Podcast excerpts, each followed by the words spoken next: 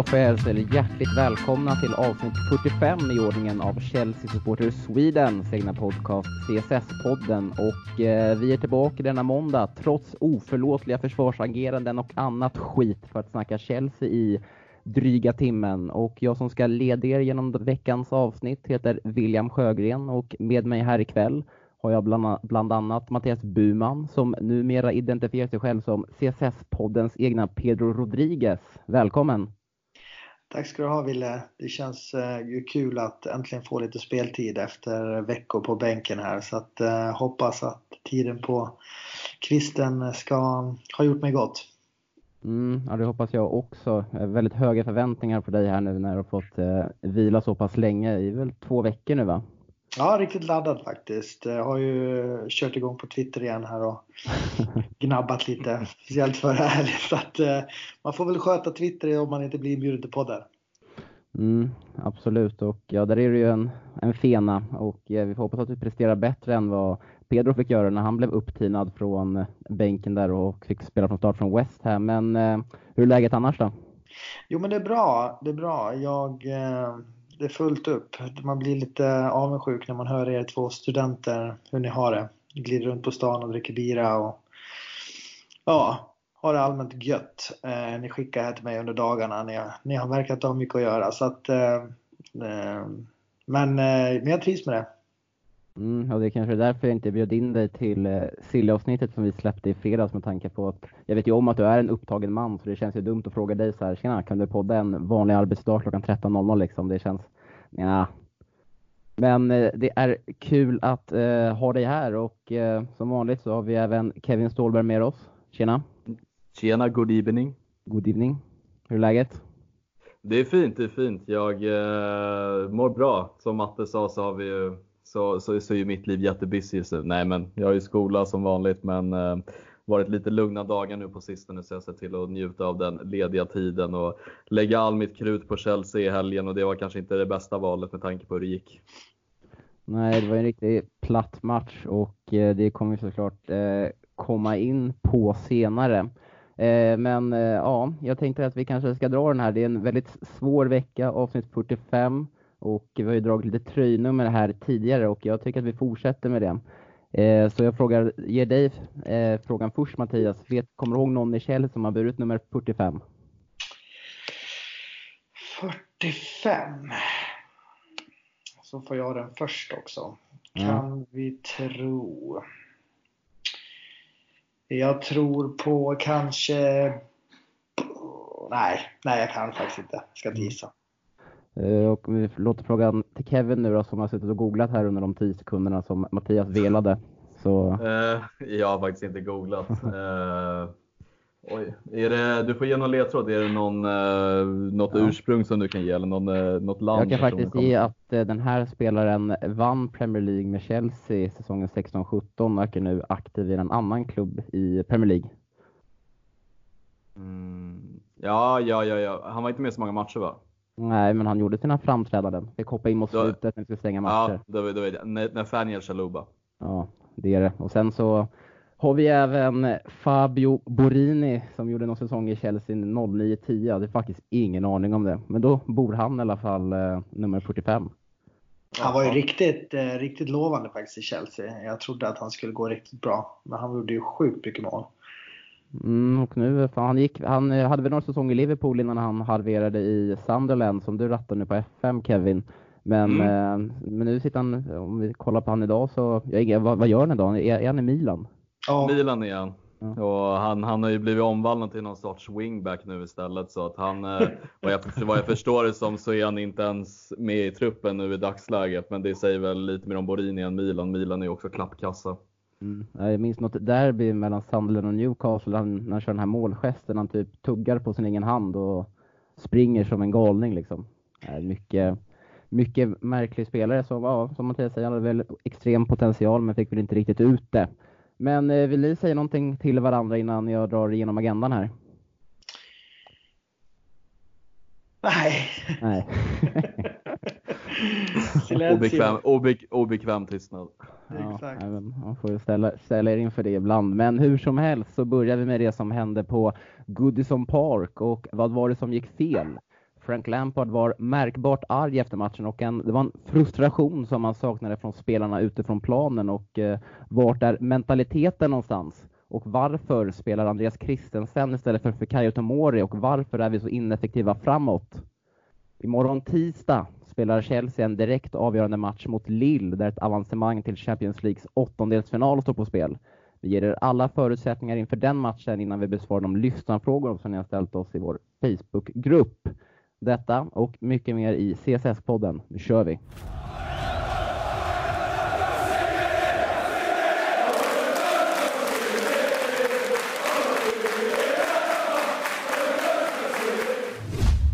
Och vi kastar oss väl direkt in i det som hände på Goodison Park i lördags. 3-1 i röven efter en extremt usel försvars, efter extremt uselt försvarsspel på ja, samtliga mål och den där triangeln som folk har börjat kalla det med eh, Kepa, Kristensen och Zuma är ju någonting som verkligen inte fungerar Mattias. Det såg ju typ lika illa ut, om inte värre, än vad som det gjorde mot United i premiären. Ja, det var, eh, det var hemskt att se. Eh, framförallt eh, 3-1 målet är ju, usch, alltså det är ju, ja, det var inte bra eh, från något håll. Eh, kan väl eh, liksom konstatera helt enkelt att vi duger inte till det bak. Jag tror, men det handlar ju heller inte om att vi, vi spelar dåligt eller har någon dålig formation utan jag tror faktiskt det, det är som, som Frank eh, Lampard var inne på lite grann under presskonferensen och eh, senare på intervjuer att det är ju fortfarande väldigt mycket individuella misstag som gör att vi släpper in mål. Mm. Det, är det är liksom inte så att de skapar som till exempel Arsenals försvarsspel, de har ju 20 lägen mot sig varenda match för att de är för dåliga organisatoriskt. Vi är ju ganska stabila ändå, släpper inte till allt för mycket lägen bakåt men sen gör vi ju eh, egna misstag som då resulterar mm. i mål. Så att, eh, mm, inte bra. Nej, Kevin, vad säger du om försvarsinsatsen i lördags? Ja, nej, men det är bara instämma i Mattias eh, ord att det, det, det, jag vet inte, det kändes så jävla konstigt. Jag kände redan liksom från matchstart när de får in första målet att det, det, liksom, det var inte en bra känsla. Man ser att Duncan springer runt och höjer publiken till skyarna och det var liksom Ja men så här, den käftsmällen kände jag liksom fan det, det, det, kommer bli en svår match och så ser man liksom det här som vi snackar om det sista målet. Det, det känns som att det summerar ändå lite hur vi kan känna lite ibland hur vårt försvarsspel är och tycker också symboliskt det första målet när vi liksom, det kommer ett inlägg och det, det är så här, det är alltid luftspelet vi mm. brister i tycker jag som mest och det är hörner och det är inlägg och känns som att det är alltid kris varje gång det kommer en höjdboll på något sätt. Och jag, har, jag har så svårt att förstå det med tanke på att Christensen ändå till exempel sitter på mycket rutin i Premier League och Zuma är extremt duktig på huvudet men vi får ju liksom aldrig till det i markeringen. Och det är, det är ett frågetecken. Stort mm, frågetecken. Jag, jag såg ju i, uh, under, under pausen när vi har satt studion så rullar de ju typ, ja men det var ju hur många mål som helst egentligen under tidigare under säsongen där, där vi, där, där vi släppte in mål på fasta situationer och, på, och i höjddueller där vi inte räcker till helt enkelt. Och eh, Eh, jag vet inte vad det beror på. Alltså jag, det, det känns som att positionsspelet det existerar inte i Chelsea, i alla fall inte när Kristensen och Zuma bildar mittbackspar. Det känns som att det är två yra höns som inte vet vad de ska göra. Eller jag tycker Zuma är extremt yr när han spelar med Kristensen medan Kristensen är för vek i dueller. Han kommer inte ens upp Alltså om man ser till det första målet till exempel, som kanske är det som man kan klandra in på försvarsspelet och det säger bara hur, vilka tabbar de andra två är. Men eh, Zuma är helt borta och eh, Christensen får ju, han får ju två spelare emot sig men han hoppar inte ens på den där utan han, alltså Richarlison står ju, står ju hänger på Christensen och bara dunkar in den. Mm. Alltså, vad är det som ja, sker? Ja, ja kör du Mattias. Nej, men jag tycker liksom att han, han har ju all, alltså den kommer ju inte, alltså den kommer ju utifrån kanten och han är liksom som, som andra mittbacks, han har ju liksom tiden då att eh, se bollen och skulle kunna komma med fart och bara nicka bort den där. Han, men han låter ju sig bli klättrad på av Rikardisson och, och då har man ju inte en chans. Det vet man ju när man spelar mm. fotboll. Så att, men jag tycker framförallt, jag tycker ett problem också är när vi får inlägg och eh, ja, till viss del liksom hörnor och sånt också. Det handlar ju om Kepa också. Att jag tror mittbackarna och eller försvarslinjen överlag sjunker så långt ner. Så man står ju i Kepas knä för att han rör ju sin, han står ju fastklistrad på mållinjen jämt. Mm.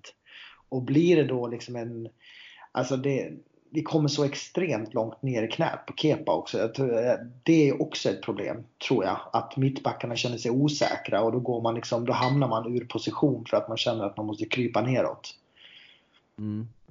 Ja, alltså jag, jag, håller absolut, absolut med dig i det. Samtidigt kan jag också känna att jag vill inte, för, jag försvarar absolut inte Kepa för hans ageranden i, i den här matchen, men det är ändå känt mycket stabilare när både Tomoro och Zuma har spelat eh, tillsammans. Och det känns ju verkligen som att Christensen är verkligen den, den, den svaga länken på något mm. sätt. Och nu fick vi ju veta, om man kollade på presskonferensen som Lampard höll idag inför Lill imorgon, så sa han ju att Tomori missade den matchen på grund av höftskada.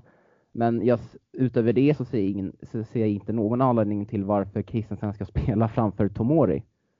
Kevin, håller du med? Nej, ja, nej, men jag håller helt med och det, jag tycker man såg det redan efter första framträdandet efter Tomori var på bänken att det känns ju mycket, mycket mer instabilare när dansken spelar och jag tycker att man har känt så genomgående ett längre tag att hans potential har sakta men säkert liksom tickat ner. Att det är liksom den klassspelare man spådde att han skulle bli när han väl kom fram, är, det är ju inte den potentialen längre. Alltså det, den finns inte i alla fall för mig. För att det här är inte direkt första matchen han är svag. Jag tycker han har sett svag ut många matcher han har spelat. Han, har, han var rätt dominant om ni minns under kontan. Ja, ja, då var han jätte liksom, första hösten där. Ja, ja, och han var ju liksom vass på hörnor, vass i försvarsspelet, snabb, bra i fötterna. Men liksom allting är så himla osäkert. Jag tycker en symbolisk situation i den här matchen var ju verkligen när han blev utknuffad i reklamskyltarna i någon situation, någon Everton-spelare. Han ställer sig inte ens upp och käftar emot, bråkar, visar pondus eller liksom käftar emot domaren eller någonting. Han ställer sig upp, tar bolljäveln och kastar ett inkast mot ingenting har hänt. Alltså i en sån situation så måste du visa lite pung. Du måste visa lite bollar liksom och stå upp för ditt lag när du ligger under med 3-1. Och liksom det tycker jag Alltså det osar liksom av honom, liksom, alltså vekhet bara. Det finns liksom ingen grinta i honom och det stör jag mig på så fruktansvärt mycket. Att när man ligger under med 3 så ska man ju vara rasande över hur det ser ut på planen för det såg fruktansvärt dåligt ut. Men det är som att mentaliteten finns varken hos honom eller hos andra spelare ute på planen. Nej, den här mentaliteten eh, den, den är ju liksom i sin fråga. Då har vi konstaterat att vi saknar en naturlig ledare på planen, men Eh, alltså när man såg eh, alltså sekvensen efter matchen, alltså under matchen så var det typ bara Kepa som lackade till och det hoppas jag var på grund av både hans, att han var besviken på sig själv och sina mittbackskollegor. Men annars var det ju bara Abraham som hängde med huvudet och gick direkt ner i spelartunneln efter matchen och var frustrerad och Lampard som såg ju märkbart arg ut. Men annars så är det liksom spelare och hänger med huvudet och det känns som att det är ingen som vill ta på sig det här på något sätt. Det är ingen som vill så här, styra skutan framåt, eller vad ska man säga? Nej, men det saknas ju en ledare, det är ju så. Vi saknar ju någon, någon eh, där, framförallt i mittförsvaret, som verkligen liksom tar tag i spelet, tar tag i laget och pushar framåt. Det finns ju liksom ingen... Se på mittfältet också. Det, det finns... Eh, det, det, alltså det, vi har väldigt mycket bra spelare, men det finns inga ledare. Och det var väl lite problemet förra året också tycker jag. Så att vi, vi, vi liksom har fortfarande det här, lider lite fortfarande av, eller lider väldigt mycket fortfarande mm. av att vi har tappat både Terry, Lampard, eh, Drogba, eh, Check en gång i tiden. Vi hade så otroligt många eh, spelare med ledaregenskaper. Eh, nu har vi egentligen ingen. Nej, och det är ju ett extremt eh, problem och det är ju någonting som Ja, någon, enda man, som man kan se, eller du och jag kan ha en liten konversation där och den enda som du nämnde som du hade sett lite jävla anamma på eh, under planen som kan käfta emot, det var ju Jorginho. Mm. Och han spelar ju ja. inte längre. Nej men exakt och det, det, det jag minns specifikt det är väl någon händelse under Liverpool-matchen hemma när han började käfta med Henderson och så var det någon match mot Watford där han käftade och that's it. Sen har inte jag sett så mycket mer. Jag gillar ju liksom se det här käbbandet mot spelare, att man visar liksom att man vill vinna till varje jävla pris. Du vet den där Diego Costa mentaliteten att liksom mm. göra livet surt för spelare. Det är lite det jag eftersträvar för att det är så många i vårt lag som liksom Alltså man viker ner sig när man väl leder och det är det som är problemet tror jag också för, som gör det så svårt för oss att vända matcher. Till exempel om man tänker Ajax-matchen, ja där hade vi liksom det, Ajax hade två man utvisade, där var det kanske lite enklare att vända en match. Men sett, nu, nu tar jag bara på uppstuds, men det känns inte som vi har vänt en match när vi legat under med en eller två mål på samma sätt. För att det känns som att vi ofta hänger med huvudet. Mm. Och det är det som jag tycker är problemet, att vi måste ju ha någon jävel som står och skriker och alltså springer till liksom blodet sipprar ut liksom eller någonting. Pulisic tyckte jag visade någorlunda den här matchen. Han försökte i alla fall, fick mycket tacklingar och liksom CDB var ett jävla svin mot honom på kanten och han käftade lite med domaren. Men that's it, det var inte så mycket mer. Det kändes som att vi bara, okej okay, vi accepterar att vi torskar med 3-1 borta mot Everton som ligger på nedflyttningsplats och det tycker inte jag är okej. Okay. Nej, absolut inte. Men hur som helst i alla fall. Eh, så verkar ju i alla fall Lampard eh, värdera Christensen väldigt högt känns det som i alla fall. Om ni kommer ihåg inför säsongen då han hade, han, han hade nummer 27 men han skulle få en ny och fräsch start, böt nummer fyra. Eh, det gamla var bort, alltså det, det, gamla var som bortblåst. Nu är det ny Christensen på planen. Eh, och vi vet att Lampard vill ju spela bollen från backlinjen och, eh, eh och där anser han väl att Christensen är våran bästa mittback med fötterna, men det tycker jag, jag tycker att han har varit en liten bluff. Alltså med sitt, ja. med sitt passningsspel. Alltså det, jag tycker inte det är, det är aldrig, det är aldrig det är felfritt för någon spelare, men Christensen som ändå ska vara en bra spelare med fötterna, han levererar ju inte ens där heller. Han är för vek. Nej, men jag har aldrig sett, eh, jag har aldrig, aldrig, egentligen aldrig sett, det är som du säger, det är en bluff. Jag har i stort sett aldrig sett Christensen slå en svår passning uppåt, mm. en, en, en eh, öppnande passning. Det kanske bara är liksom alibi-passningar upp till eh, mittfältet, men jag menar han, han slår ju inte de här svåra passningarna. Så att, ah, mm. han, får, han får mycket skit nu Christensen, men, eh, men det tycker jag han ska ha efter de här insatserna. Jag tycker mm. att eh, lite dålig coachning av Frank också. Eh, liksom, varför rotera bort Tomori? när han och Zuma ändå har fått stabilitet i det hela. Mm. Och varför ändra på mittfältskonstellationen när Jorginho, Kanté och Kovacic har varit så bra. Jag tycker att vi liksom tappar lite. Jag tycker att den här rotationen... Oh, den, mm. det, har, no. det har gjort någonting som har skapat osäkerhet och det har kommit lite ur gängorna.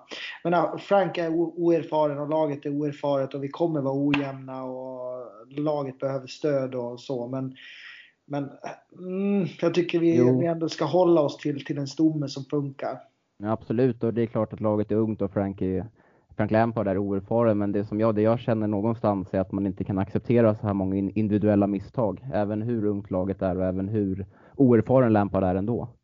Mm. Alltså det, är lite att man spelar lite kast här och där liksom, det köper jag. Jag köper att vi kanske var lite ineffektiva framåt, men jag köper inte att eh, Ja, men att till exempel om vi tar tredje målet där att eh, Zuma står och flaggar och Kepa missuppfattar situationen helt.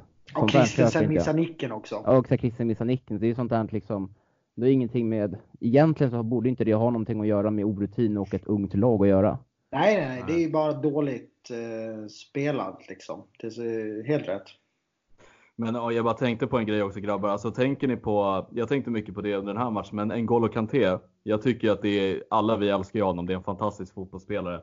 Men jag tycker att det är svårt, för min del i alla fall, att tyda vad det är för typ av rollfördelning han ska ha på planen. Och jag har väldigt liksom, många matcher så ser man honom springa väldigt mycket upp och ner. Det är, antingen så ligger han lite för högt upp och de hinner kontra oss på mittfältet eller så ligger han lite fel i positionerna. Jag har svårt att se vad Lampard vill få ut av honom i vad för typ av roll. För att ska han vara en eh, bollvinnare högre upp i plan, ska han vara bollvinnare längre ner i plan eller ska han vara en box to box eller ska han vara en djupledslöpande mittfältare? Förstår ni vad jag menar? Det känns som att just nu gör han lite allt i allo, men att han hamnar oftast fel i positioner. Jag tänker också på när det var någon eh, situation under matchen när det var en mot en mot Walcott tror jag, han stötbryter och det är inte jag så van att se honom för att han är liksom helt själv där nere. Jag har liksom svårt att se vad det är för roll han ska ha på planen just nu. Mm. Ja, jag håller med. Jag tyckte faktiskt eh, jag tyckte han hamnade fel också. Jag tycker att eh, den här, och det har jag sagt förut, jag tycker att 4-3-3 är bättre än 4-2-3-1. Eh, laget får mer mm. liksom mittfältet, mittfältskonstellationen och Kantés roll där bredvid Jorginho och Kovacic, den blir bättre än, än 4 2-3-1. Mm. Um, måste jag säga. Och det, och det var det jag ville komma in på, för där är jag helt enig också. För jag tycker ju att för mig, det fungerar inte just nu med 4-2-3-1 med en Mount som en alltså, uttalad tia. Det är väl lite det han är på planen. Jag tycker istället, precis som du, att vi behöver tre centrala mittfältare med tydliga rollfördelningar och yttrarna kan få röra sig mer fritt. För att har vi en Mount och så har vi Kovacic och Kanté bakom, båda ligger fel i positioner. Kovacic ska ju på något sätt också vara en bollvinnare samtidigt som att han ska distribuera bollar högre upp i banan och ligga högre upp. Och Kanté vet man inte riktigt vart han ska vara. Så det är liksom som du säger, jag tycker att vi borde ha en Jorginho och de två framför. För att så här tycker inte jag att det fungerar mm. jättebra. Ja, vill han ha in Mount, då får han väl spela Mount som en ytter som kan ja, knalla inåt. Det har ju funkat mm. förut. Och det har ju, ja, exakt. Jag menar, Hazard var ju, han slickade ju aldrig kant. Han gick ju alltid in i banan, så det kan väl Mount också göra. Och, mm. Så att vill han ha in Mount så kan han väl spela så. Jag, nej, 4-3-3. Vi har gjort våra bästa insatser under säsongen när vi har spelat 4-3-3. Mm. Mm, och det här med Kanté också och mittfältet generellt. Alltså, det, det, alltså, det känns väl också lite som att Frank Lampard, som att han ställer ut bara Kovacic och Kanté och sen hoppas att det löser sig på något sätt. För att som du säger Kevin, jag ser inte heller någon tydlig roll för Kanté, men samtidigt känner jag typ så att ja, men med tanke på hur Chelsea vill spela så behöver vi ha en Kovacic eller en Jorginho som är den som ligger djupast och kan fördela boll mellan backlinje och, eh, och, och längre upp i banan. Och där fungerar inte Kanté heller. Och då, liksom, då, har vi, då, då måste, han, måste han flytta sig uppåt för han blir helt, vi, vi blir en, mindre, en, en gubbe mindre ifall han skulle spela på sin naturliga defensiva mittfältsposition. Mm, alltså för mig, är det, nej, men också för mig är det jätteenkelt. Vad vill vi få ut av Kanté? Jag ser ju hellre att vi får ut Kanté som en bollvinnare som han alltid har varit i tidigare dagar. Jag ser honom hellre, hellre som en sån spelare än en in i mittfältet som ska löpa i djupled. Det är inte han och absolut att han har gjort mål. Han har ju bidragit på det sättet. Han anpassar ju sig jättebra. Det är det som är fantastiskt med honom, att han fortfarande utvecklas även fast han börjar komma upp i åren. Men jag tycker att om man ska få ut det bästa i det här laget och av Kanté, då ska ju han vara en bollvinnare. Och då tycker jag att Kovacic ska få ta hand om allt som har att göra med passningsspel och få röra sig lite mer fritt. Och Jorginho ligger i den defensiva rollen medan bollvinnaren Kanté ska vinna boll som han alltid gjort i alla dagar. För det är det han är bäst i världen på. Och det tycker jag man ska fortsätta att nyttja för att det finns andra mittfältare i världen som kan löpa mycket bättre än vad han kan i offensiva planhalvor och är mycket smartare kanske med fötterna än vad Kanté är. Även fast han är extremt duktig och underskattar det så tycker jag att hans bästa roll är ju att vinna bollar. Mm, ja, det känns ju lite problematiskt för Frank Lampard med tanke på den här mittfältstrion som vi, som vi alla tycker har varit ändå riktigt bra här säsongsinledningen. Så det känns, alltså, de, de kompletterar inte varandra så bra om ni förstår vad jag menar. Ja, nej, men jag håller med. Och det tycker jag man ser tydligt också på matcherna. Att det, vi ligger lite fel i mittfältet. Jag älskar ju varje person på det här mittfältet individuellt för de egenskaper de har. Tillsammans så märker man ju mer och mer att det inte riktigt funkar och även med Mount tycker jag också med de här centrala mittfältarna inte funkar jättebra ihop. Utan jag tror också det, det har inte nog bara att göra med dem. Jag tror att det mycket har med rollfördelningen att göra. Vad Lampard vill få ut av dem, vilka ytor de ska vara på, vilka ytor de ska täcka. Jag tror att det är mycket sånt, att vi måste vara mycket mer tydligare där. Vi saknar ju då det. Det är ju det är min stora... Ja. ja, det gör vi också. Nej, men vi, nej, men vi saknar ju, alltså som du säger Kevin, alltså all cred till alla dessa, eller tre spelare individuellt, fantastiska fotbollsspelare. Men de tillsammans saknar ju en sak och det är ju att ingen är liksom en genombrottsspelare. Det är Exakt. ingen som är en Lampard, det är ingen som är en Ballack, en SCN. Alla de här som, som, som skördade våra framgångar för några år sedan, de var ju också mittfältare som tog tag i boll, som kom in i straffområdet, avslutade, spelade fram, var tunga, liksom tryckte tillbaka motståndarna. Det är lite tunt. Det är lite för mycket liksom passningar fram och tillbaks. Lite för duttande, det är lite för klent. Det, vi, mm. behöver, vi behöver lite tyngd, vi behöver lite, som du skulle ha sagt, vi behöver lite pung. Ja, nej men verkligen. Och där är faktiskt jag verkligen instämma att vi behöver Loftus i den rollen just nu. För att där är det ju en stor fysisk spelare som kan löpa framåt och göra saker. Och det är inte så att Kanté eller Kovacic inte kan göra det, men han kan göra det på ett helt annat genombrottssätt, likt Lampard gjorde sina tidigare dagar, än vad de kan. De är mer defensivt präglade spelare för mig i alla fall. Jo, men så är det ju. Och det, och det visar ju också på statistiken. Hur många mål gör de? Mm. Ja, jag, menar, Kova, många, jag menar, Kovacic gjorde sitt första mål mot eh, Valencia. Nu gjorde han ju visserligen ett till då, så att han har gjort två fantastiska fina mål nu. Men men det var liksom hans första mål i Chelsea. Det har tagit mer än en, en, mer än en säsong. Så att, eh, ja, vi behöver spelare som, som trycker i. Och sen så, just med de här tre spelarna också, det, det är ju inga Även fast de är duktiga på att vinna boll och, och, så vidare så det är ju inga fysiska tunga spelare som det gör ont att möta som att man kan trycka tillbaks motståndaren. Kolla matchen mot West Ham, vi fick inte en enda frispark emot oss. Det är ju katastrof. Det, det blir jag riktigt förbannad på.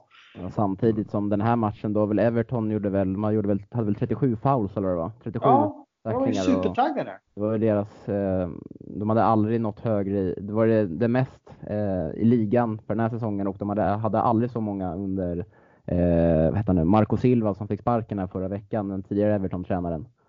Ja, eh, så lite mer fysik kanske, men vi är ändå alla överens här att, är det lite brist på annat just nu, att vi alla är överens över att de eh, tre måste spela tillsammans? Ja, men jag, alltså jag tycker i alla fall, det, om vi ska blicka framåt Lillmatchen, vi kommer in på det senare, men jag tycker att för oss är det optimalt just nu att kanske få ihop mittfältet på något sätt igen. För jag tycker att det är inte bara i försvaret det läcker. Jag tycker att mittfältet också går vi bort oss väldigt mycket. Vi öppnar ytorna jättemycket på mitten och vi låter folk springa runt om oss. Och vi ligger oftast fel på mittfältet. Så jag tycker att det är också en viktig del. Och det är ju, om inte den viktigaste lagdelen i mitten, sett till offensiven och defensiven. Och där tycker jag man måste kanske täppa igen och få in Jorginho. Jag tycker det syns att Jorginho saknas. Speciellt som en uppspelsfas också. Kovacic kommer för långt ner. Han tycker jag skulle ligga lite högre upp och Jorginho ta hand om uppspelen. Där tycker jag att han mm. saknas. Kanske, ja, har du någonting att tillägga där Mattias innan vi går vidare? Nej, men jag håller med. Han måste in. Han måste in och spela mot Lill så vi kan flytta upp Kovacic lite grann. För det är ändå den bästa mittfältstrion vi har. Eh, mm. Vi har inte så mycket val just nu för att Ross Barkley han är ju vad han är och jag tror inte Mason Mount är där än. Uh, han kanske blir det i framtiden men just nu tror jag han är tänkt som en antingen en tia eller en ytter så han kan inte spela på den på det tremanna mittfältet. Så att det är de tre som måste in för då ser det bättre ut. Så är det. Men sen, men sen tycker jag hela laget faktiskt är i en formsvacka. Alltså kolla mm. på Pulisic, kolla på William. Det är inga yttrar som skapar någonting. Eh, de senaste två matcherna. Det har varit väldigt dåligt. Eh, så att nej, man ska inte liksom hänga ut. Jag, jag, jag, jag, tycker generellt att laget spelar sämre. Mm. Men om vi blickar lite, eller blickar framåt ska vi inte göra än, men om vi kollar på offensiven i alla fall så eh, har ju Chelsea avlossat näst flest skott i ligan, 274 stycken. Bara 31 har gått i mål. Vi har missat 33 lägen som klassifieras som big chances missed enligt Premier Leagues officiella stats. Och det är, det är näst flest i ligan på båda de två punkterna. Det är bara City som har skjutit och missat mer. Så på något sätt så skapar vi ändå, kommer vi ändå till bra lägen och eh, tar avslut. Men varför sitter inte bollen Kevin? Ja men det tycker jag var väldigt, väldigt tydligt den här matchen. Alltså helt ärligt, offensiven var inte så jätte, jättedålig. Den var inte bra, men det var inte det sämsta jag sett. Vi skapar ju lägen och kommer fram till chanser, men någonting låser sig i sista tredjedelen. Likaså mot West Ham. Vi kommer fram, West Ham var i och för sig lite sämre offensivt, men speciellt i den här matchen så tycker jag till exempel att vi, vi gör bra grejer och vi kommer fram till situationen, men vi lyckas inte få dit bollen. Kolla liksom på, på Williams lilla ryck på kanten när han spelar in den till Abraham och Abraham hälar den liksom och den slickar linjen där vid Pickford. Alltså vi behöver ju också lite marginaler med oss, men det är som jag varit inne, inne på tidigare när jag surrade lite med dig Wille om att jag tycker att vi är också ett lag som behöver några extra chanser för att göra mål. Vi skapar väldigt mycket men vi är inte speciellt effektiva alla gånger. Abraham har varit väldigt effektiv där framme men det känns som att vi behöver extremt många målchanser för att göra några bollar också. Och det kanske man kan eh, trycka då på att vi är ett väldigt orutinerat och oerfaret lag med en oerfaren manager Mattias. Jo men så kan det absolut vara. Vi har en, eh, men man, det är svårt att kritisera Abraham också som har gjort väldigt mycket mål. Eh, så att, eh, men just nu tycker jag att det är yttrarna som inte, för att Abraham gör ju ändå sina kassar. Jag, jag, jag kräver och vill se mera mål från Pulisic, William, Hudson-Odoi och de och även kanske Mason Mount och de, de som spelar där på kanterna. Om du jämför med de lagen som ligger ovanför oss så är det liksom det är fler spelare som gör mål. Mm. Och det jag absolut inte kan förstå, det är hur man inte kan spela med Batshuayi och Abraham tillsammans när det ser ut som det gör på planen. Det, det förstår inte jag det mot Everton i slutet där?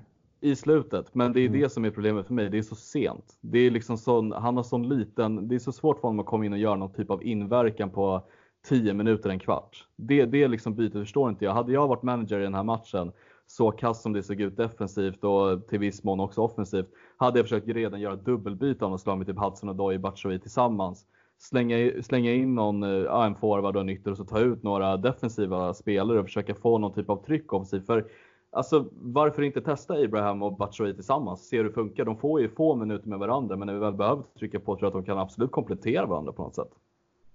Mm, och vi, har ju, vi, eller vi har varit lite eh, blandat där med Frank Lampards matchcoachning. Vi tyckte inte den var så bra i början av säsongen men sen tyckte vi den blev bättre. Men nu har väl kommit ner lite till den här eh, låga nivån igen eh, kanske. Men jag håller helt med där. Jag tycker också man i lägen när vi måste göra mål så tycker jag till exempel också mot West Ham när vi ligger under med 0-1 och man ser att det låser sig och en, kanske lite tidigare i den här matchen också att man testar ändå att lira eh, både Tammy och eh, Batshuayi tillsammans.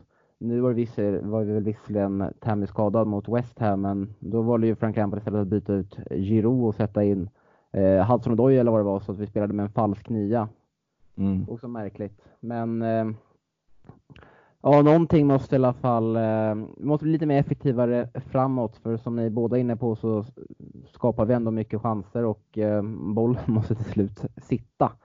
Mm. Eh, har ni någonting mer ni vill säga om Everton-matchen? Ja, men jag, jag, tänkte bara på en grej också. Varför, alltså, om det ser så katastrofalt ut mellan Zoom och Christensen, då förstår jag egentligen inte heller varför man inte kan gå över typ på en trebackslinje och köra Aspilicueta som mittback bredvid de här herrarna försöker styra upp det på något sätt. Det är också en ledare som har spelat mittback tidigare, speciellt som en höger mittback och då kanske man får någon typ av stabilitet med lagkaptenen där som kan ja, försöka styra upp det på något sätt om det ser så dåligt ut mellan de här två under matchens gång tänker du och då till exempel få in Batshuayi där uppe så man har två anfallare i en uppställning som funkar lite bättre kanske. Det är bara också en tanke varför man inte kanske gör en sån grej. Ja, vi har ju sett det. Eller Aspelekueta har inte spelat som tredje back, men vi har ju ändå, vi har ändå sett Frank Lampard spelat en eh, 3-4-3 eller 3-5-2 han startade upp, det var mot Wolves han gjorde det och sen gjorde han väl det direkt mot Valencia första matchen. Kanske han gjort, eller det minns jag faktiskt inte, men han gjorde väl någon match till.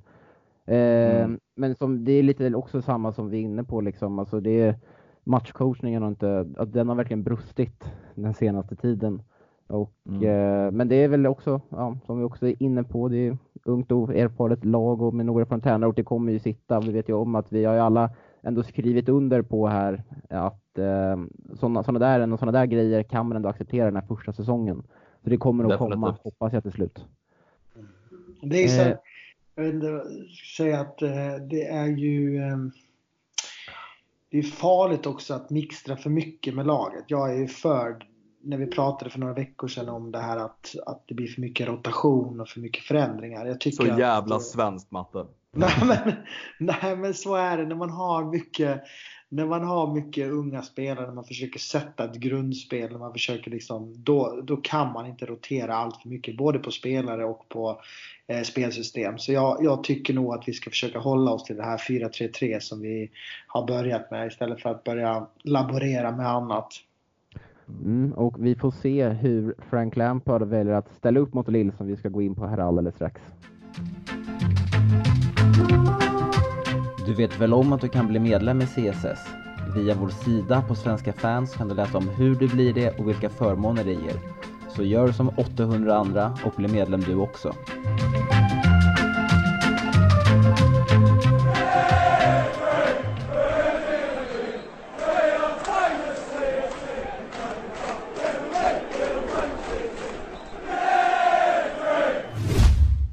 Snabbt upp på hästen igen. Det är Lill imorgon och en vinst är extremt nödvändig för att gå vidare från gruppspel till Champions League. Och förutsättningen är att vinner vi matchen så är vi helt klara för åttondelsfinal utan att det spelar någon som helst roll vad som händer i den parallella matchen då mellan Ajax och Valencia. Skulle vi spela oavgjort mot Lille imorgon så måste Valencia torska för att vi ska gå vidare. Och skulle vi torska så är vi helt enkelt ute ur Champions League och får eh, ja, eh, anpassa oss till ett eh, Europa League-spel i vår och det vill vi inte ska hända Kevin och då har ju tagit tempen på Lill som vi då ska slå för att ta oss vidare här. Och hur mår, det, hur mår laget där från eh, nordöstra Frankrike? Ja men farligt nog så eh, mår ju det laget ganska bra. De ligger ju stabilt trea i ligan efter Marseille och Paris som har något hästrace där tillsammans. Marseille har ju verkligen kommit igång i år under Rudi Garcia som har gått hit. Men Lill mår i övrigt bra. De har, eh, de har ju några skador. De har ju bland annat Somaro som är deras lagkapten borta och Timothy Villa har ju varit långtidsskadad och sen har de deras, jag tyckte han var ganska duktig, deras vänsterback Reinaldo som spelade i första mötet mot Chelsea är också skadad och troligen missar matchen.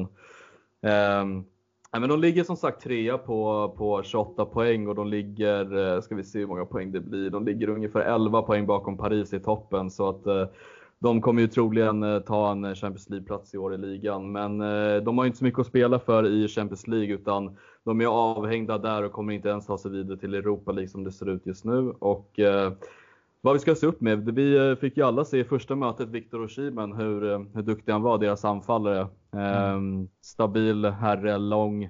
Nickade ju in en boll mot Chelsea, föga förvånande som många lag tydligen gör. Mm spelat 16 matcher i ligan, gjort 9 mål, bidrag med 3 assist. Eh, så att det är inte bara ett lag vi ska köra över utan de har ju några herrar där bak. Rui Fonte om du kommer ihåg honom spelade mittback i Southampton bland annat. Um, mm. Nu uppe i åldern men en väldigt stabil mittback. Sen har de ju, jag gillar ju deras trio där, eller trio, det blir ju en trio plus deras anfallare Dioshi men Ikone, Bamba och så brukar de ha Renato Sanchez där. Så det är en ganska ruggig trio plus eh, Oshimen då där framme som vi får se upp för. Eh, ganska duktigt lag, men jag tycker att det är ett lag vi ska vinna mot hemma i alla fall. Mm, jag tänkte där, jag minns i alla, i alla fall när vi snackade upp den första matchen mot dem där så konstaterade vi att de har ändå besegrat eh, många bra lag i franska ligan, men som du säger så har de bara tagit eh, en poäng i Champions League. Varför eller vet du varför det har gått så dåligt för dem i Europa?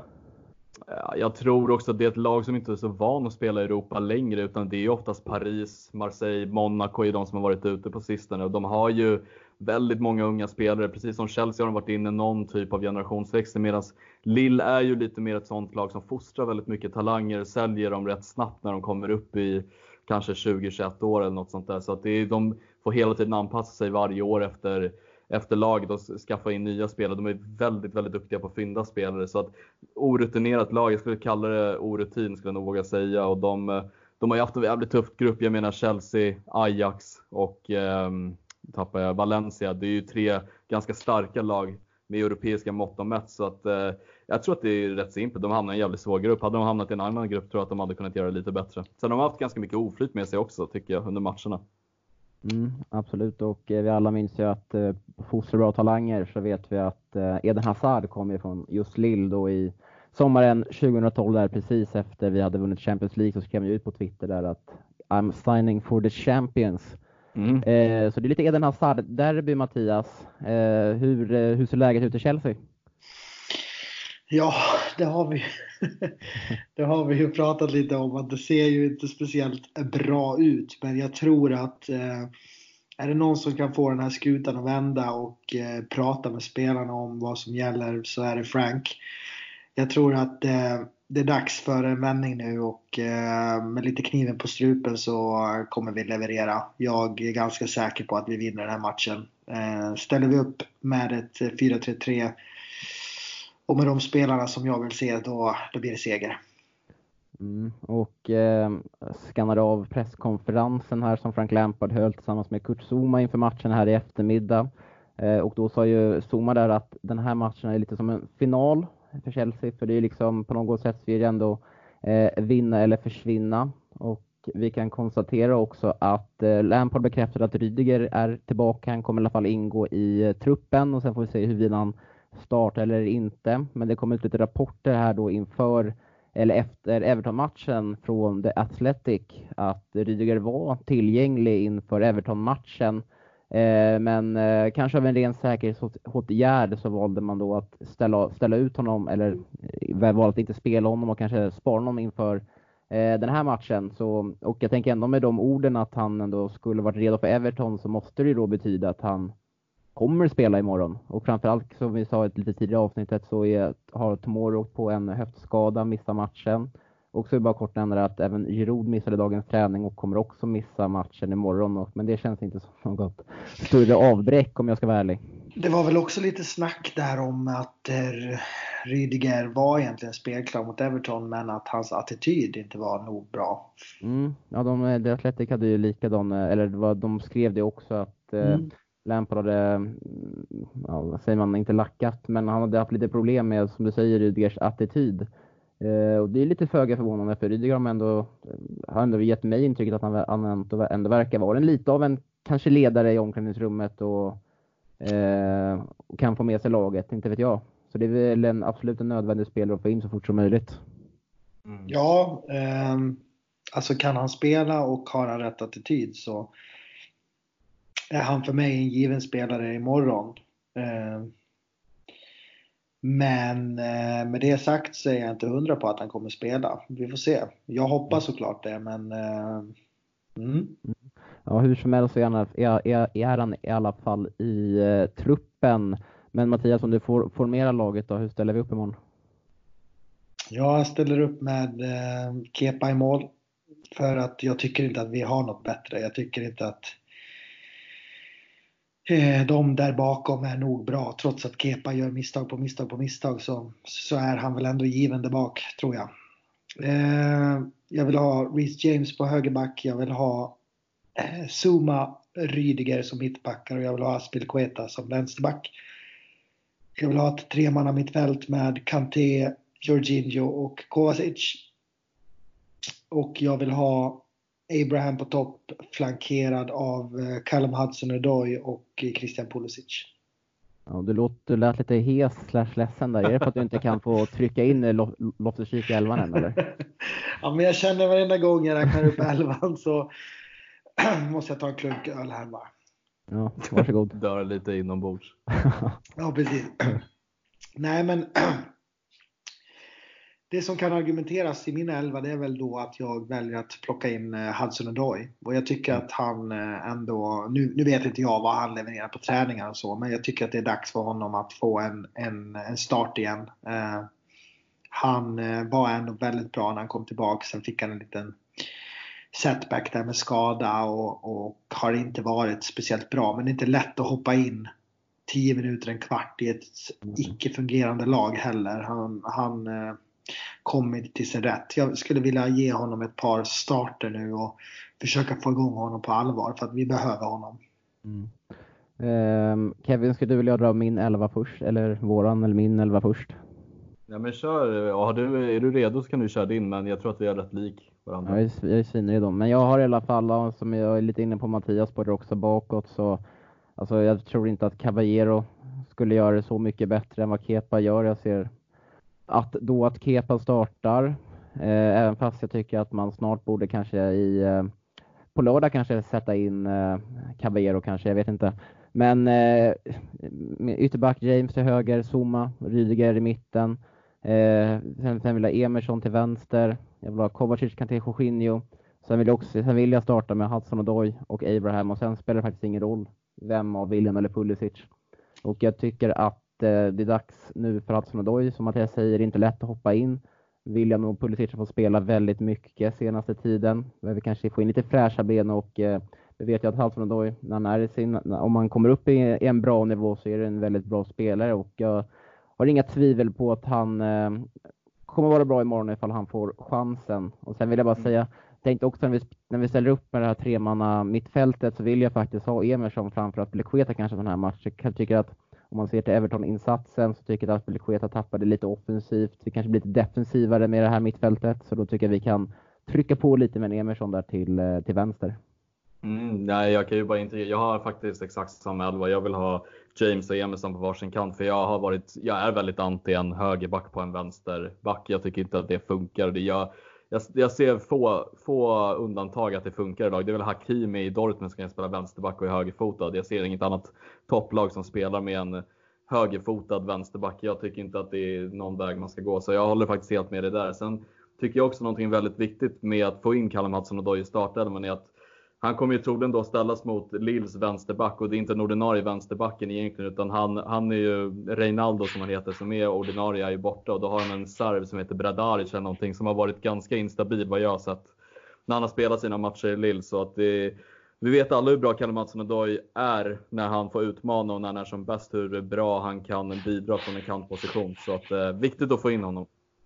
Mm, om de inte, som du säger, har en ordinarie vänsterback så kan det vara fint då för han som då kanske kommer in och får briljera, briljera lite och få tillbaka eh, självförtroendet. Eh, men Mattias, om du får ha fel, vad, vad tippar du för resultat? 3-0. Kevin? Oj, oj, oj, Jag tror att vi tar det med nöd och näppe 2-1. 2-1? Ja. Ja, jag tror också, eller jag vet inte. Alltså jag har inte ens tänkt på resultatet. Känns, vad man än säger så blir det ju fel. Så att man, om man tänker att man tar det på uppstuds så kanske man prickar rätt. Så jag säger 2-0. För, för att mm. sticka ut lite från er. Så att det blir en liten kamp. Ska du lägga upp en sån här berömd poll på Twitter igen Mattias? Om vem ja, som, eh, vad folk stava, tror har rätt. Stava mitt namn rätt den här gången. ja.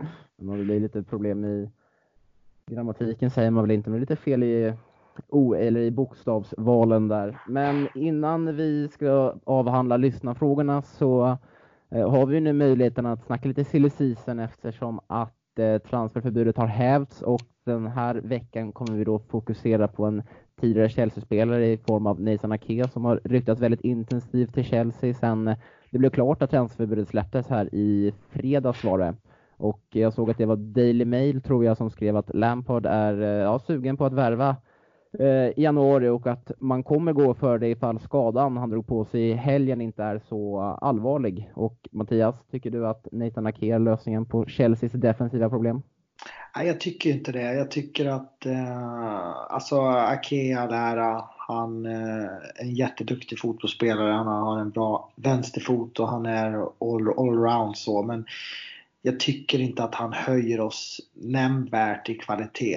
Eh, låt oss istället gå för någon, någon riktig ledare. Det är där också jag tycker inte att han har det som, som krävs för att eh, höja den här fyrbackslinjen. Det blir lite kaka på kaka. Ska vi värva nu så ska vi värva spets, vi ska värva eh, riktigt bra spelare. Inte mm. någonting som, som är som alla andra. Nej, och jag är också lite inne på det spåret. Jag tycker inte vi ska värva bredd. Då kör jag faktiskt hellre kvar på de spelarna som vi har eh, i dagsläget. Om vi inte kan få in någon i januari. Eh, vi får se helt enkelt. Men det enda jag kan tro, eller det som jag tror framför allt, att varför Frank Lampard vill ha Nathan Ake, det är framför, kanske för att han har en vänsterfot Då kan han väl ha en, en, eh, en vänsterfotad mittback helt enkelt i, för uppspelen. Och vi vet ju som vi konstaterat att hur eh, viktigt uppspelen är i Frank Lampards spelsystem, men annars så ser jag inte hur, att, hur Nathan Ake skulle höja dagens Chelsea. Men Kevin, du tycker väl lite annorlunda va? Ja, nej men alltså lite. Jag är väl inte super, super för, men jag ser ju inte egentligen varför vi inte kan värva tillbaka honom om vi har en utköpsklausul på honom som är väldigt billig för att vara en ordinarie Premier League mittback i ett hyfsat bra lag. Och jag ser inte heller att han är på något sätt sämre än Zuma och Tomori just nu med tanke på att Ake spelar match in och match ut för Bournemouth som brukar vara helt okej okay i ligan. Eh, sen så säger inte jag att det här är lösningen på alla världsproblem för våra mittbackar, men det är absolut en spelare som kan höja konkurrensen och bredden och jag tycker varför inte skeppa dansken i januari och ta in Ake istället. Ser jag som en vettig lösning. Han har en bra vänsterfot, han kan spela vänsterback om det skulle krisa, han kan spela en trebackslinje. Han vet klubben ut och in, han har spelat här tidigare kan språket, bla bla bla. Jag tycker inte att det är helt fel. All right. Har du någon eh, motargument för det Mattias?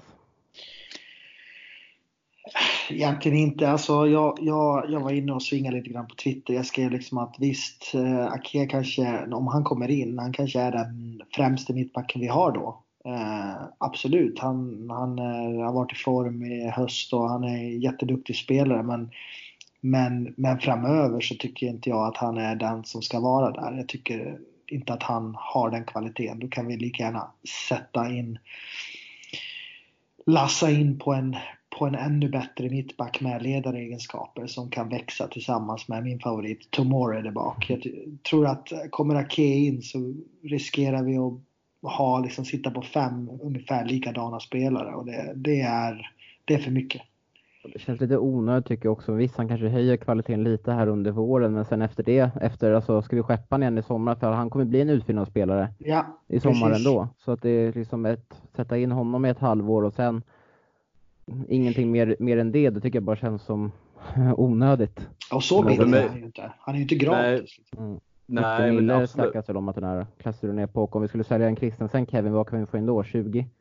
25? Ah, så låga pengar ska vi inte sikta på. Jag tror, alltså fine, absolut, han har varit keff den här säsongen, men jag tror att man kan få in lite högre pengar för en mittback i Chelsea som har spelat ändå en del i Premier League. Jag tror fortfarande att många kan se potentialen. Men är det så att vi inte får in mycket pengar på honom, absolut. Men jag ser fortfarande inte egentligen varför man inte kan ha honom som en breddspelare heller. Är det så att han vill, vill komma hit och kan tänka sig att vara en eh, ja, tredje mittback, fjärde mittback, fine. Då ser inte jag heller varför man inte ska ta in honom. Jag tycker inte att det är en så dålig spelare. Men om vi ska få in en världsmittback i sommar, då kommer han ju, då kommer han ju som du säger vara tre, tredje, fjärde alternativ. Eh, och då kommer ju, om vi skeppar dansken också, då kommer vi ju helt enkelt kunna behöva rucka på någon av, ja men Zoom eller Tomorde. För jag tänker ändå att Rydiger, eh, om han kommer upp i samma nivå så kommer han, så håller han i alla fall i dagsläget eh, en mycket högre nivå än vad, eh, ja men Zuma, Tomore och eh, Ake gör. Ja, men alltså helt ärligt för mig, jag ser inte Zuma som en framtida Chelsea A-lagsback. Det gör jag inte. Som ett alltså, tredje, tredje eller fjärde alternativ. Då skulle jag nog hellre välja Ake, helt ärligt. Sen får folk tycka lite som de vill. Jag, jag ja, ja, har ett gott öga för Ake och alltså, jag tycker verkligen inte att Zuma är någon typ av framtida mittback i Lampards spelsystem heller. Vi snackar också om ett spelsystem där du verkligen nämnde också att han gillar att spela, ha spelande mittbackar. Jag tycker inte Zuma är en spelande mittback och jag tycker precis som ni, vi ska ta in en mittback med ledaregenskaper. Men att ha en konstellation av Rydiger, en världsmittback, Ake, Zuma. Det hade inte varit, äh, förlåt, Tomori, inte Zuma. Det tycker inte jag hade varit helt fel. Och skeppa Christensen och så får man se om man gör med Zuma. Jag tycker inte Zuma är den Chelsea mittbacken heller som ska ta oss in i framtiden. Eller som breddspelare heller om man vill spela det Lampard-spelet som han gör, vilket är att ha spelande mittbackar. Ja, ja vi får...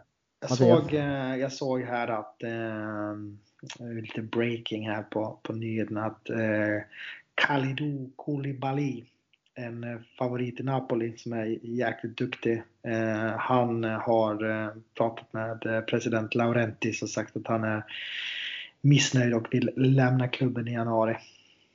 Där ja, har du min mittback. Där har du ja, min alltså om, om, Kalle, om, om, om Koulibaly blir tillgänglig i januari så då är det ju bara att gå all in där. Det finns ingenting att snacka ja. om. Och det, det förstår ni också, det är självklart för mig. Nu pratar vi Akea-fallet, men det är så att Koulibaly blir tillgänglig för ett billigare pris och att han vill lämna absolut alla dagar i veckan. Lägg mm. pengarna på honom. Det är, för mig snackar vi om Akea som en möjlig januarivärvning om det inte blir någon annan mittback. Då kan jag säga absolut en Akea, men är Koulibaly tillgänglig alla dagar i veckan? Var kommer de här uppgifterna ifrån Mattias? Vad är det för källa? Uh, det är 360 sources de brukar skeppa ut. Alltså det, det vet jag inte om det är mm. någon. Men eh, det är en eh, sån här silly season, silly season konto. Och det tror jag också är rätt vanligt nu när Napoli har den kris de har med presidenten och liknande. Så att det är inte förvånansvärt att de eh, grejerna kommer ut också.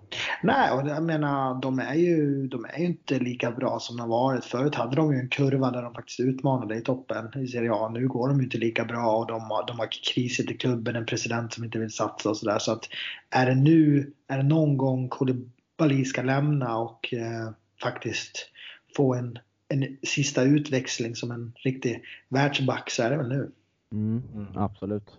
Eh, och ja, ingen rök utan eld som man brukar säga. Men eh, ja, vi får helt enkelt se vem som kommer in i januari för att någon borde ju göra det i alla fall.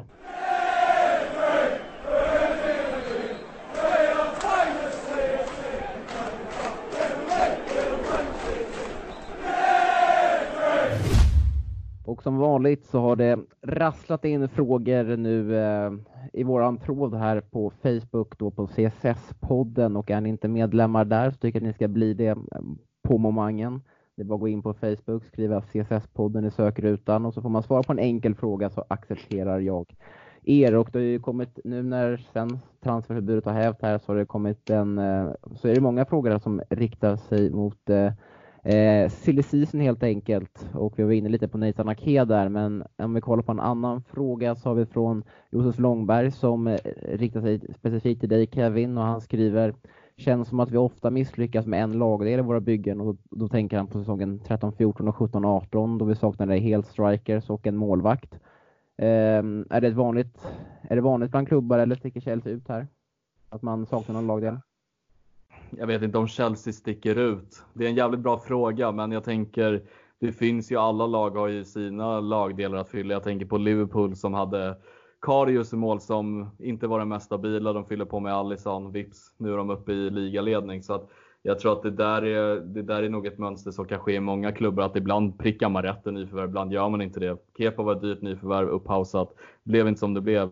Men jag tänker speciellt på den här konstellationen vi hade med Torres, Eto'o och Dembaba tror jag att vi hade va? Den ja. kanske var lite speciell med tanke på hur dåligt Torres gick. Eto'o var väl 33 och Dembaba värvade för Newcastle för 9 miljoner eller något sånt där. Det är väl kanske någonting som sticker ut, men jag vet inte om Chelsea specifikt sticker ut så ofta. Jag tror att det är bara liksom, man kan inte veta med alla nyförvärv hur bra den ska bli egentligen. Man prickar rätt ibland ibland gör man inte det. Jag har inte supermånga exempel jag kommer på som är så här, wow, det här har hänt år ut och år in i en specifik klubb som sticker ut lika mycket kanske. Ja, fina Dembaba, jag kommer ihåg det. Han, han blev typ bästa polare med Eden Hazard och när Eden Hazard skulle ta ut sin, eh, fem, sin eh, favorit, eller sitt favorit femmannalag från sin tid i Chelsea så var han ju Dembaba där framme framför sådana som Diego Costa och Didier Drogba. Det var lite roligt. Oj, oj, oj. Mm. Eh, Mattias, har du någonting att tillägga där? Ser du något mönster att det här är ett problem för Chelsea eller ser du bland övriga lag också? Det kan vara så ibland? Säsonger hit och dit? Såklart att det kan vara lite från och till, men, men eh, vi har ju egentligen bara, jag tycker att lite problem har vi haft på anfallsfronten ändå. Sen eh, Mourinhos första runda där vi fick in Drogba som sedan lyckades. Men sen är det ju egentligen bara Diego Costa som har varit den här självklara eh, striker som har varit kandidat till att bli skyttekung. Eh, det har ju saknats anfallare i Chelsea, absolut. Vi har väl haft mer små kreativa spelare som har gjort mycket mål. Eh, Falca, Falcao och Pato var ju fina ändå. Herregud alltså. Bästa, bästa lånen i Chelseas historia. Ah, det har ju snurrat många, många dåliga anfallare där. Alltså herregud, jag satt och kollade på highlights med Pato under hans sejour i Chelsea. Att han gjorde ju det där straffmålet mot, eh, Aston, Villa. Villa. Men eh, efter det, alltså, man såg hans highlights, man såg ju hur, alltså, hur extremt jävla dålig han var. Mm. Det är sjukt. Ja, jag avbryter dig Mattias. Nej, men eh, ingen fara. Nej, men eh, det, är väl, det är väl kanske det. Just målvaktspositionen är ju svårt att egentligen diskutera. Där har vi ju bara haft långsiktiga lösningar. Där har vi haft ganska bra ställt, eller väldigt bra ställt länge. Vi har ju både haft Check och sen då kom ju Courtois som faktiskt var väldigt bra först innan han blev en orm. Eh, men eh, så att eh, nej, jag kan väl inte se något tydligt mönster på anfallspositionerna där. Men jag kan, jag kan bara lägga en liten utläggning. Jag tror att det som sagt sker lite på måfå i andra lag. Jag tänker också om ni minns Vincent Jansen som värvades till Tottenham. Då kom ju en viss Harry Kane upp istället, tog hans plats och briljerade och Jansen skeppades ju iväg. Jag tänker Fred på Manchester Uniteds mittfält, där värvades för dyra pengar. McTominay tog hans plats istället. Alltså det, är, det, är, det är inte alltid liksom lätt att pricka in rätt värvning. Sen har ju Chelsea varit extremt dumma tycker jag med anfallsvärvningar när vi snackar om Falcao, Pato Torres när han, han var ju skadad, eller han hade varit långtidsskadad i Liverpool när han kom till Chelsea och så vidare och så vidare. Så att eh, det finns väl lite, alla lag har väl sina akilleshälar med värvningen. Mm, så är det. Eh, om vi går vidare då till Marcus Edqvists fråga som undrar vilken duo före, föredrar vi på mitten i ett 4-2-3-1 och då syftar han väl på mittfältspositionerna Mattias? Så är det och då ser, åh den är jättesvår. Den är jättesvår. Jag vill ju liksom inte se den formationen. Mm. Jag vill ju se 4-3-3. Jag har... Eh, alltså, hjärtat säger Kanté, Jorginho. Just nu, om jag skulle få ta ut just, just nu, då skulle jag nog ta ut Jorginho och Kovacic. För att Kanté var inte bra där sist. Kevin? Alltså jag har ju blivit lite småkär i Kovacic, så att det är Kovacic och Kanté för mig. Även fast det såg katastrofalt ut mot Everton i hela lagdelarna så är jag så himla förälskad i Kovacics spelstil och tycker han är unik. Ja, eh, alltså jag är inne på samma spår som jag båda är inne på Mattias spår där att jag tycker inte vi ska spela 4-2-3-1 men och då blir jag inne på Kevins spår där men jag tycker att i så fall eh, Kovacic Kanté om vi måste bara ha två och det framförallt då på hur, eh, ja, som ni båda säger, eller som Kevin framförallt säger, att hur bra Kovacic har varit här den senaste tiden så ser jag inte hur man kan peta honom egentligen. Eh, om vi går vidare då, som har lite med det här att göra, som en fråga, en väldigt lång fråga från Fredrik Falskog Bergström. Eh, men om vi kortar ner den till eh, först här då, så är det, undrar han hur stor saknaden är av Jorginho på mitten, Mattias? Nej, men vi var ju inne lite grann på det och, och så vidare. Jag tycker att han är en bättre dirigent än vad både Kovacic och Kanté är. De, eh, han, han är den som, som, som styr spelet bäst i mm. den rollen. Och jag tycker också att han har visat sig vara en väldigt fin pådrivare och det är säkerligen därför han också har varit vicekapten eh, här under, under Frank Lampard. Så att eh, jag, jag kan inte förstå varför han har suttit bänk nu i två matcher. Det har ju visat sig att det inte har gått speciellt bra både spelmässigt och eh, det här att vi inte visar någon pung. Mm, mm Kevin, hur stor är saknaden av Jorginho tycker du? Ja, men jag tycker på planen är han väldigt viktig just nu. Jag var jag inne på det också tidigare under avsnittet att jag tycker vi behöver hans, eh, vi behöver hans uppspelsfot i eh, det defensiva eh, och det här lugnet att kunna sprida det i backlinjen när det kanske eh, är väldigt stressade situationer under planen som det var mot Everton. Sen tycker jag också hela, hela auran av Jorginho, att kunna käfta lite med spelare och få igång laget när det kanske går lite sämre är väldigt viktigt. Så att, väldigt viktigt för mig. Jag tycker att han ska spela mot Lille. Ja, jag stämmer in på er eh, båda. Eh, om vi tar Hampus eh, Baumans fråga här. Eh, Kevin, du var lite inne på en trebackslinje, men skulle Aspelekueta vara ett bra alternativ som mittback med tanke på den rådande situationen? Mm, alltså, jag skulle nog inte vilja säga i en fyrbackslinje, men i en trebackslinje tycker jag att han skulle vara väldigt bra. Jag tycker att han har varit väldigt bra i en trebackslinje tidigare också, där han får spela någon typ av höger mittback som kan till viss mån ibland följa med lite upp i anfallen. Men eh, i ett eh, fyra, alltså en fyrbackslinje, eh, svårt att se hur han ska på något sätt dominera från en mittbacksroll där. Tycker att han passar bättre som högerback, men jag skulle då kunna tillägga, sett till åren, ju äldre han blir, desto mer tydligare kanske blir att han kommer flyttas in som mittback för att jag tror inte han kommer ha snabbheten till sist när han ligger på 35-34 år eller något sånt där då. Absolut som mittback då. Mm, Mattias? Aspelkueta är ingen mittback för mig i en fyrbackslinje. Uh, det är han inte. Uh, så att uh, mitt svar är helt enkelt nej. Och om han blir äldre och måste kliva in som Kevin är inne på så tror jag att det är dags för honom att byta klubb. Mm.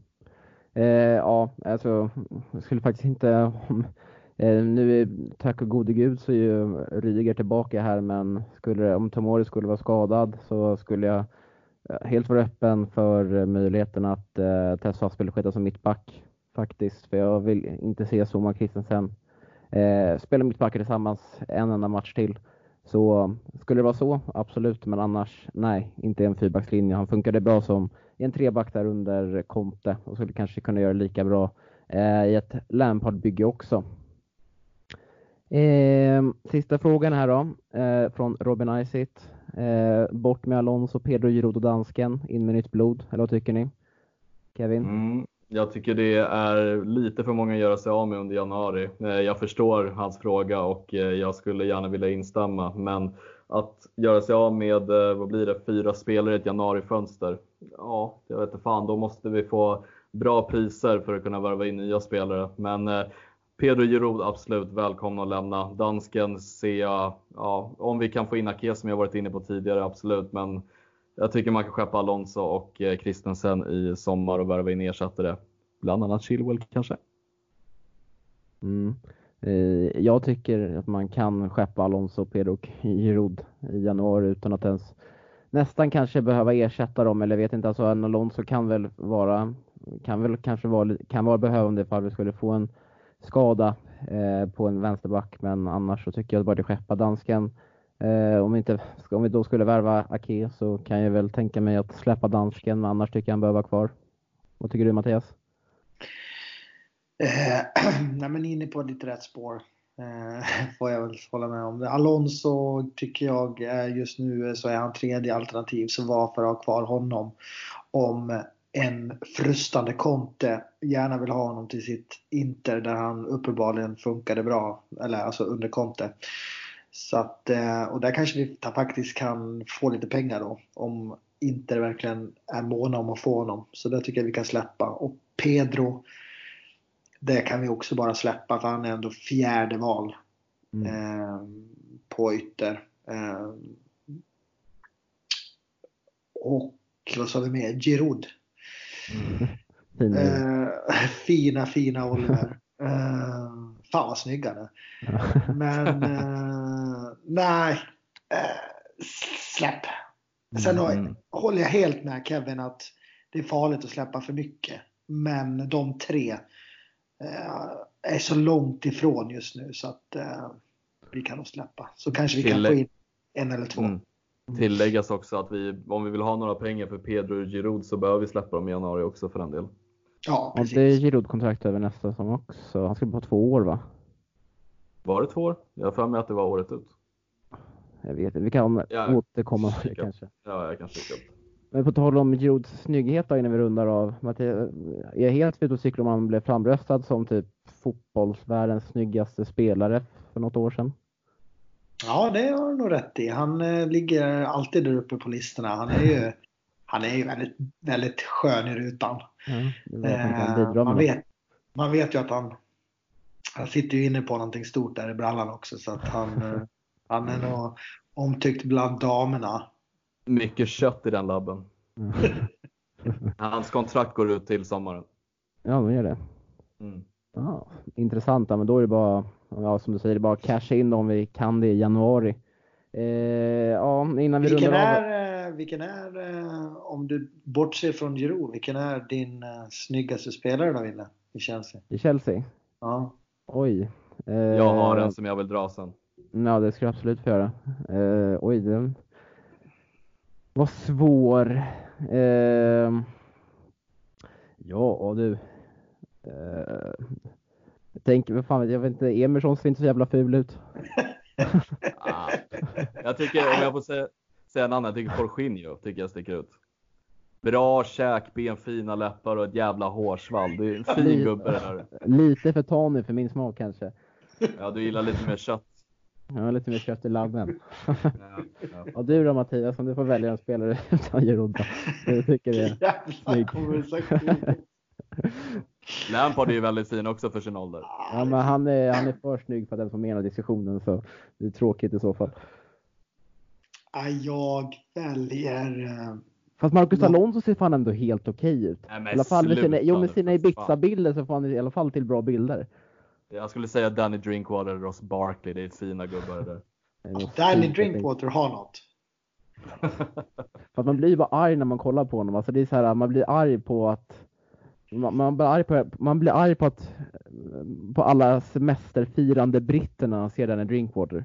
Ja. Alltså, Men det är han, någon- han är ju bara ute och reser och sitter med Ja. sin hund och klappar den. Och, så, Ja, vet man, han, så vet man att han cashar in enorma pengar från oss.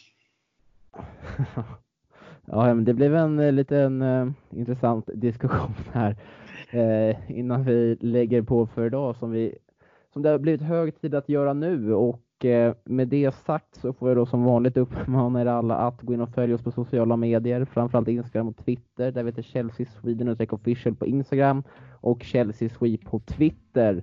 Och klart även följa vårt arbete på Svenska fans där vi lägger ut artiklar dagligen om vad som sker och händer runt omkring Chelsea FC. Och med det så får jag önska alla en eh, trevlig vecka. Ha det.